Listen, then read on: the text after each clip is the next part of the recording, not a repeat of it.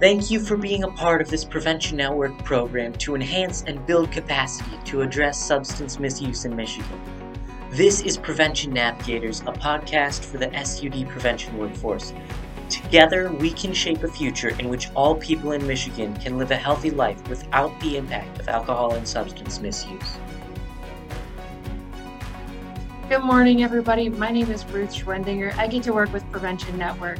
Part of our goals today are to build the coalition capacity of people doing substance misuse prevention across Michigan. And together we can shape the future in which all people in Michigan can live a healthy life without the impact of alcohol and substance misuse. So joining me today is, is Mike Tobias. He's a friend, he's a co-worker with me at Prevention Network. Uh, Mike has been doing prevention work for, I'm gonna say a quarter of a century, if that's fair. And Mike has a lot of experience working with different groups. He's currently serving as secretary for the U.S. Alcohol Policy Alliance. He's the president of Michigan Council on Alcohol Problems.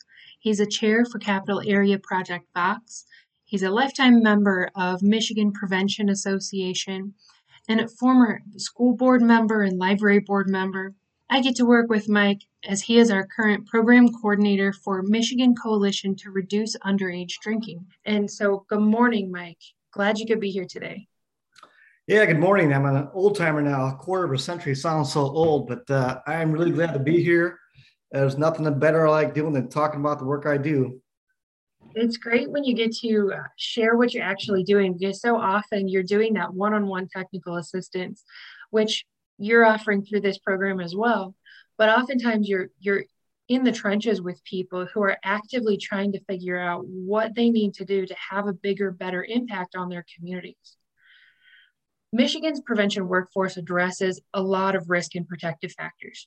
And when we're talking about prevention we often use the phrase upstream to talk about a more comprehensive, um, proactive approach.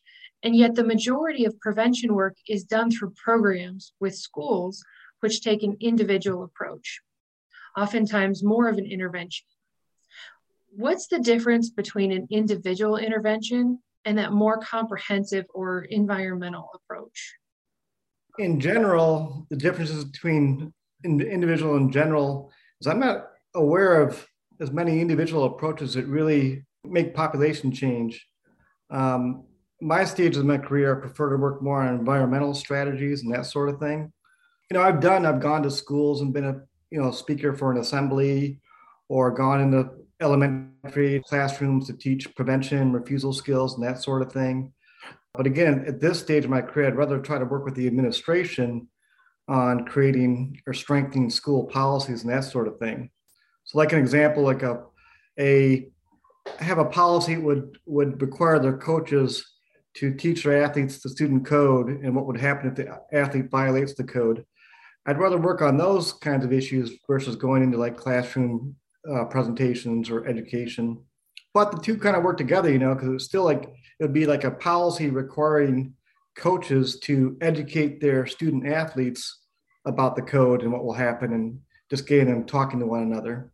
So without that environmental approach, that that more population change strategy, we're trying to catch people one at a time. Whereas with the upstream, more comprehensive approach, the work you're doing now at this stage in your career, you're you're talking about putting systems in place so that it's the same intervention for everybody and it's not dependent on a one-time speaker or you know students participating in the course of regular a, a regular prevention class yeah, exactly. I mean, you get a policy passed and it's going to affect people for future classes.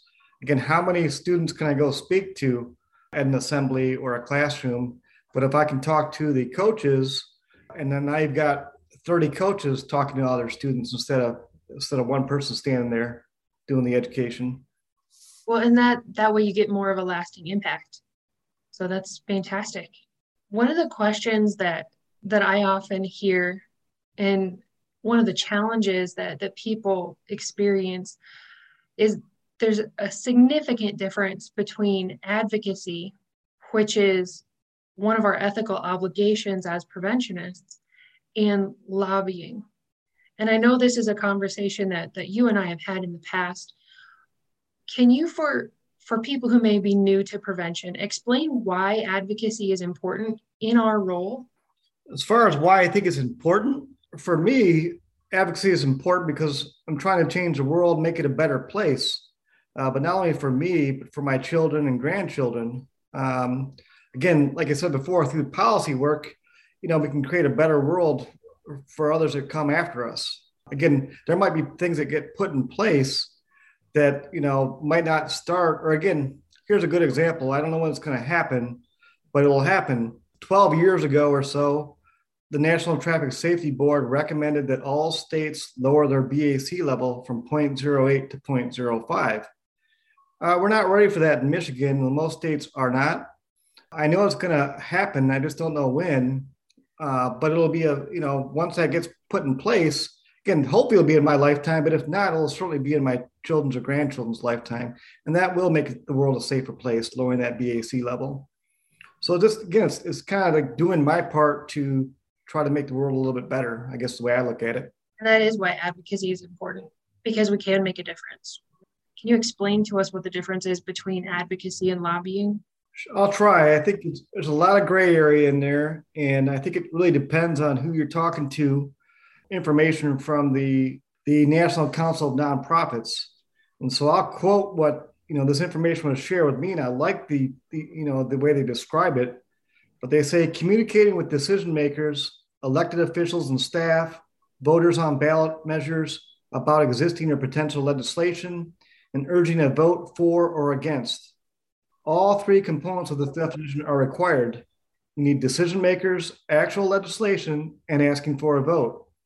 They also talk about how, you know, all lobbying is advocacy, but all advocacy is not lobbying. So I think that's, you know, those three components. So they say if you don't have all three components, it's not lobbying. But again, there's different comfort levels for different people. And as a disclaimer, when we're talking about lobbying, I always tell people you need to talk to whoever you answer to, whoever your supervisor is, um, because they might not, they may or may not agree with you about what lobbying is, but they might, they just might not want you doing that work for whatever reason. So there's examples where I've clearly done something that I didn't think was lobbying, but a funder or a supervisor didn't want that work being done.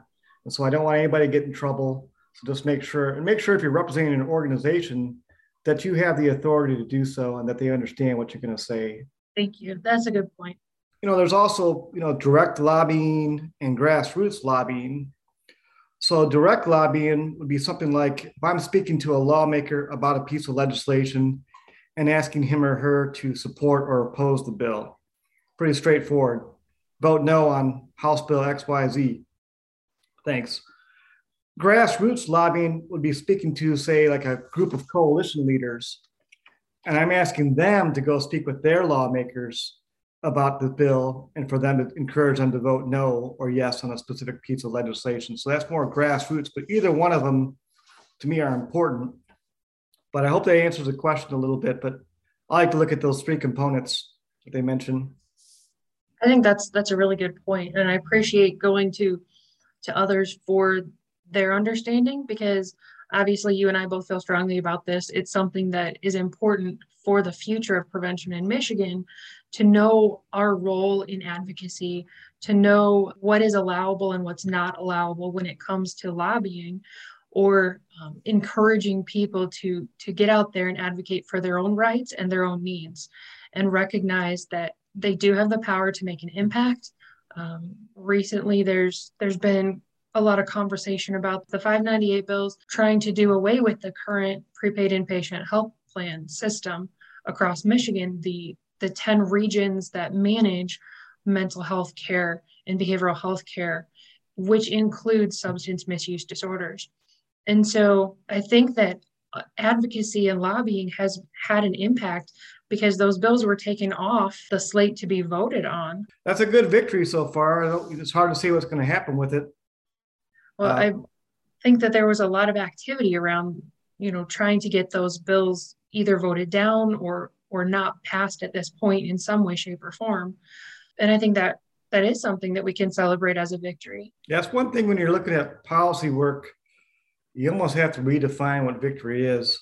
Um, because it's again, I can go and and uh, talk with students for you know elementary kids about why you know drugs are are not healthy for you, how to you know teach refusal skills, and I get some satisfaction out of doing that. You know, their faces light up. They're usually happy to see you.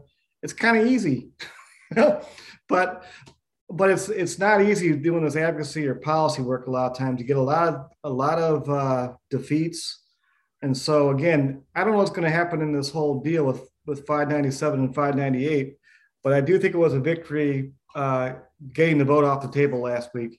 Not to say it won't pass, you know, next week or whenever, but you know, the victories can seem really few and far between, uh, or you have to look at it a little bit differently.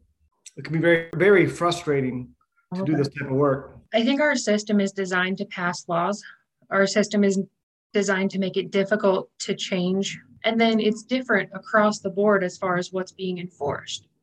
And and that's the kicker because when we're advocating for you know the rights of people who are receiving behavioral health services when we're advocating for population change like lowering the, the bac level is really difficult to measure success because maybe even if a law is passed how is that being implemented? How is that being enforced? And so oftentimes there's a big disconnect between the, the legislative system and what's happening in our communities throughout michigan just to the fact that you pass a law is usually uh, will have some effect. But you're right. I mean, you need public awareness about it, and certainly you need enforcement. I mean, those are the kind of pieces that usually go along with it.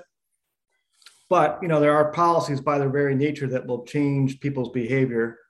But you do need those other things as well. So, advocating at the legislative level is one one part of it. Advocating for public awareness might be a second part. And then a third part would be advocating for adequate enforcement. Is that a fair summary? Yeah, you could do, yeah, you should do all those things. Quick question. It's not complicated at all. Who make the best advocates? A quick answer is it probably depends on what, what the issue is. But in general, you know, youth can be very effective. Uh, law enforcement can be very effective. Faith based leaders. In general, I'd say like probably like my people like myself or your you know community coalition leaders do okay but but there's better messengers probably. Medical personnel sometimes do. People been a you know people in recovery sharing their stories sometimes has a good impact. So it just depends you know. We're working to, to get rid of those those prepackaged alcoholic energy drinks in michigan in 2010 uh, we had some youth show up for some of the hearings at the liquor control commission and they were well versed in the issue. They knew it. They understood it and letting those kids talk about seeing their peers get in the fights when they're drunk or you know all these other negative things i think really did have an impact on the commissioners. And then the media the media loved talking to the youth afterward too. So they were you know they did a good job with that. Is there some kind of training for youth that you're aware of to help prepare them for for that level of advocacy you know, I would guess, I don't know exactly, but I would guess, you know, student leadership services who you've had on before, they do a lot of work with youth around the state of Michigan and maybe other states as well. We would certainly, we being McCrud or myself, we would certainly assist any youth group in trying to create better advocates for issues. But I would guess that a lot of the, the, the coalitions that work with youth uh, might do some of that training, media training and advocacy training. Over the years, McCrud has, we have hosted uh, media training and advocacy training. It's been a few years since we've done that, but I would guess there's there's places in Michigan and throughout the country who work specifically with youth. Where should people be advocating? What are those different levels? What are those different options for people who are saying, "Yes, I'm ready to take a stand and let people know that what's happening in my community is not okay." Where should they start? Start their own community and I'd say get your, you know, get get their radars up in your own community. And I use this word radar was something I got from Face, who used to be around in Michigan. But you know, I used to go in a lot of party stores. I don't do it as much, but I remind myself I should probably walk through and take a look because there's always new products uh, where they're placed. And so if I see things like near the counter, small little 50 milliliter bottles near the counter, that's something that you know a group could say, talk to the store manager about like we're concerned kids could steal these from the counter or these are these are low they appeal to children and so really it's about knowing your community and kind of what what gets you upset i guess I can think of all, I mean, listening to the radio, you hear DJs talk about more or less glorifying alcohol use. So really the answer is just get the radar up, look around your own community, but there's all levels. Uh, be a school board member, so school board, uh, local city council, county commissioners, uh, Congress, uh, state, you know, legislators. But there's also something called kind of big P and little p, big policy, little policy. And big policy is more working with formal, you know, policymakers who are elected. But little policy is stuff, like I said, the store manager. You know, one thing we're talking about with McCrud, we've been pushing a lot, is we'd like to see community coalitions work closer with their law enforcement community to do alcohol compliance checks. So again, go talk with your law enforcement community, advocate that if, if these checks aren't going on, that they start them or work to strengthen them. You know, there's lots that can be done. Just a couple of quick examples about local community in action. You know, I called last night just to make sure, but the Rite Aid, there's a Rite Aid pharmacy on the corner of Michigan and Pennsylvania in Lansing. That's one of the few, maybe the only one I know of, Rite Aids that does not sell alcohol. And the reason they don't sell alcohol is because a local community group, I think it was the Allen Neighborhood Center, when that Rite Aid was coming in years ago, decades ago, probably at this point, that community said, we don't want another alcohol outlet in our community. We have enough. And, you know, Rite Aid or the city, somebody listened to them. And that's why that Rite Aid doesn't have alcohol at their store. I worked with a group of kids in the city of Perry probably 15 to 20 years ago. And our local grocery store had those little baskets, shopping baskets. And there was, they were funded by Marlboro. And so there was the Marlboro logo on these baskets. So uh, my students went to talk to the store manager. Hey, can we create a sticker to put over those Marlboro logos? And the manager said yes. And so we spent the day or a few hours. I forget what our message was, but we had a different, it wasn't about Marlboro. It was probably a more pro health message. We covered those stickers up. But again, it was something they saw in the community, didn't agree with it. And then it went about trying to change that. Those are some good stories. What is your biggest win in the last quarter century? Oh, geez. The biggest win, it's almost, again, you have to really think about successes. And again, there's a lot of days where I feel like we don't have success and I feel like I'm beating my head against the wall. And so I, you know, the easiest one that comes to mind is back to 2010, where uh, Michigan was the first state in the country to ban alcoholic energy drinks. So these prepackaged uh, products, they're still in the market, but there's no longer the caffeine in those those packages. And so we worked for about a year and a half, two years, advocating, talking to the Liquor Control Commission about our concerns about these products. And basically, it's about the, the combination of caffeine and alcohol. You know, your body doesn't know what to do, we're going up, down. The packaging is very appealing to youth. The products are very confusing. And so we shared all those concerns. And over the course of a year and a half, two years, the Liquor Control Commission took action to ban those in Michigan. And then shortly after, the Food and Drug Administration took action and banned them across the country. Now, more recently, victories, you know, there's been a bill to extend alcohol sales from 2 a.m. to 4 a.m. in Michigan.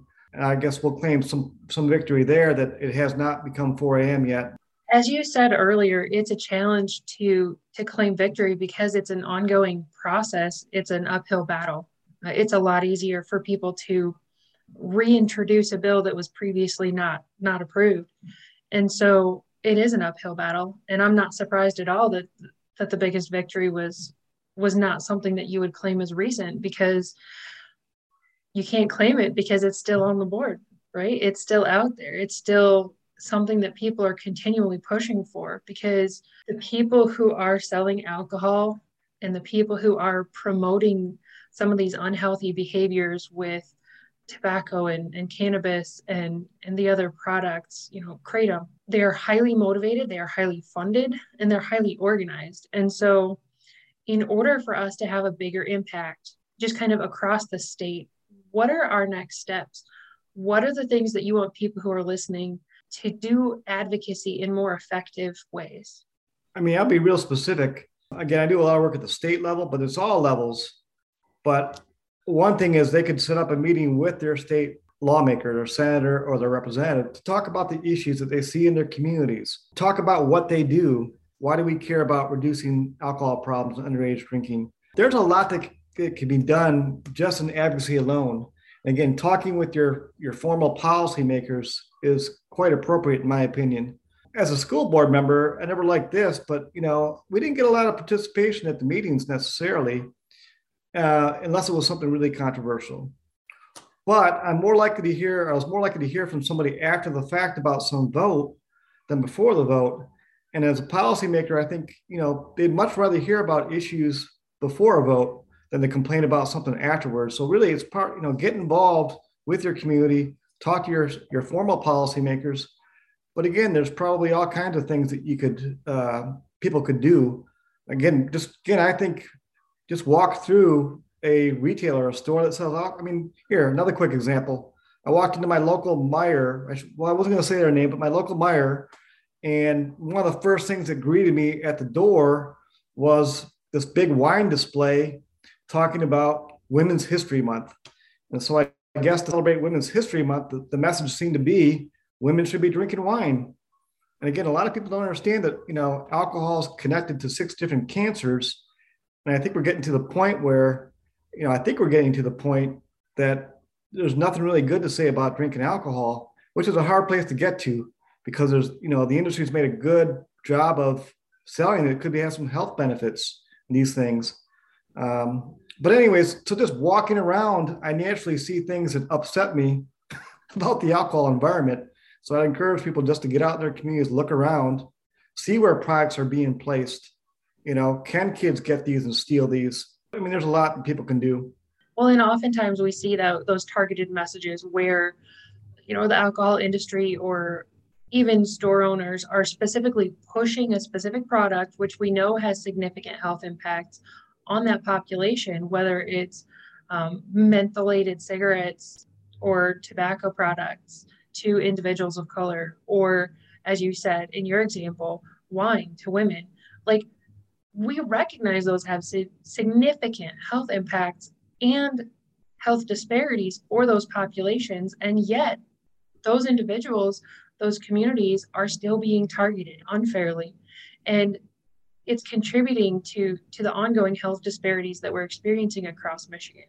And so it, it makes sense to continue to advocate.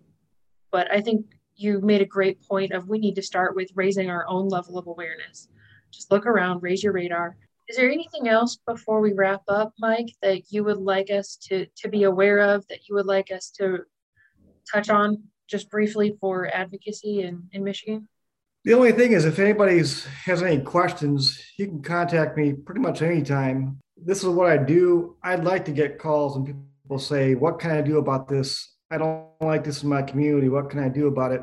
Oftentimes, people are not aware of what's going on we just don't pay attention because until it directly affects us and we need to be more aware of what's going on around us instead of um, just focusing on that individual level change we want to focus on that population level changes that we can have an impact on um, because when one person is is doing better when one person is stronger and one community is stronger we will be stronger together we will be able to shape a healthier future for all of Michigan.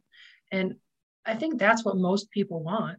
They just don't recognize that they have the power to affect change in those ways. Speak up about what's wrong in your community as it pertains to alcohol use um, and call me for any questions. That's why I like to, to get out there. I love talking to people about these kinds of issues. Thank you, Mike. Thank you for those of you who are listening. Thank you for being a part of this Prevention Network program to enhance and build capacity within our Michigan prevention workforce. Together, we can shape a future in which all people in Michigan can live a healthy life without the impact of alcohol and substance misuse. We invite you to respond by getting connected, subscribe and listen, visit our online community, contact Ruth to participate in workshops, or request one on one guidance about this month's topic. Email Ruth at ruths at preventionnetwork.org or call 517 393 6890. Thank you so much for your contributions to shape the future through prevention. This has been Prevention Navigators, a Prevention Network program.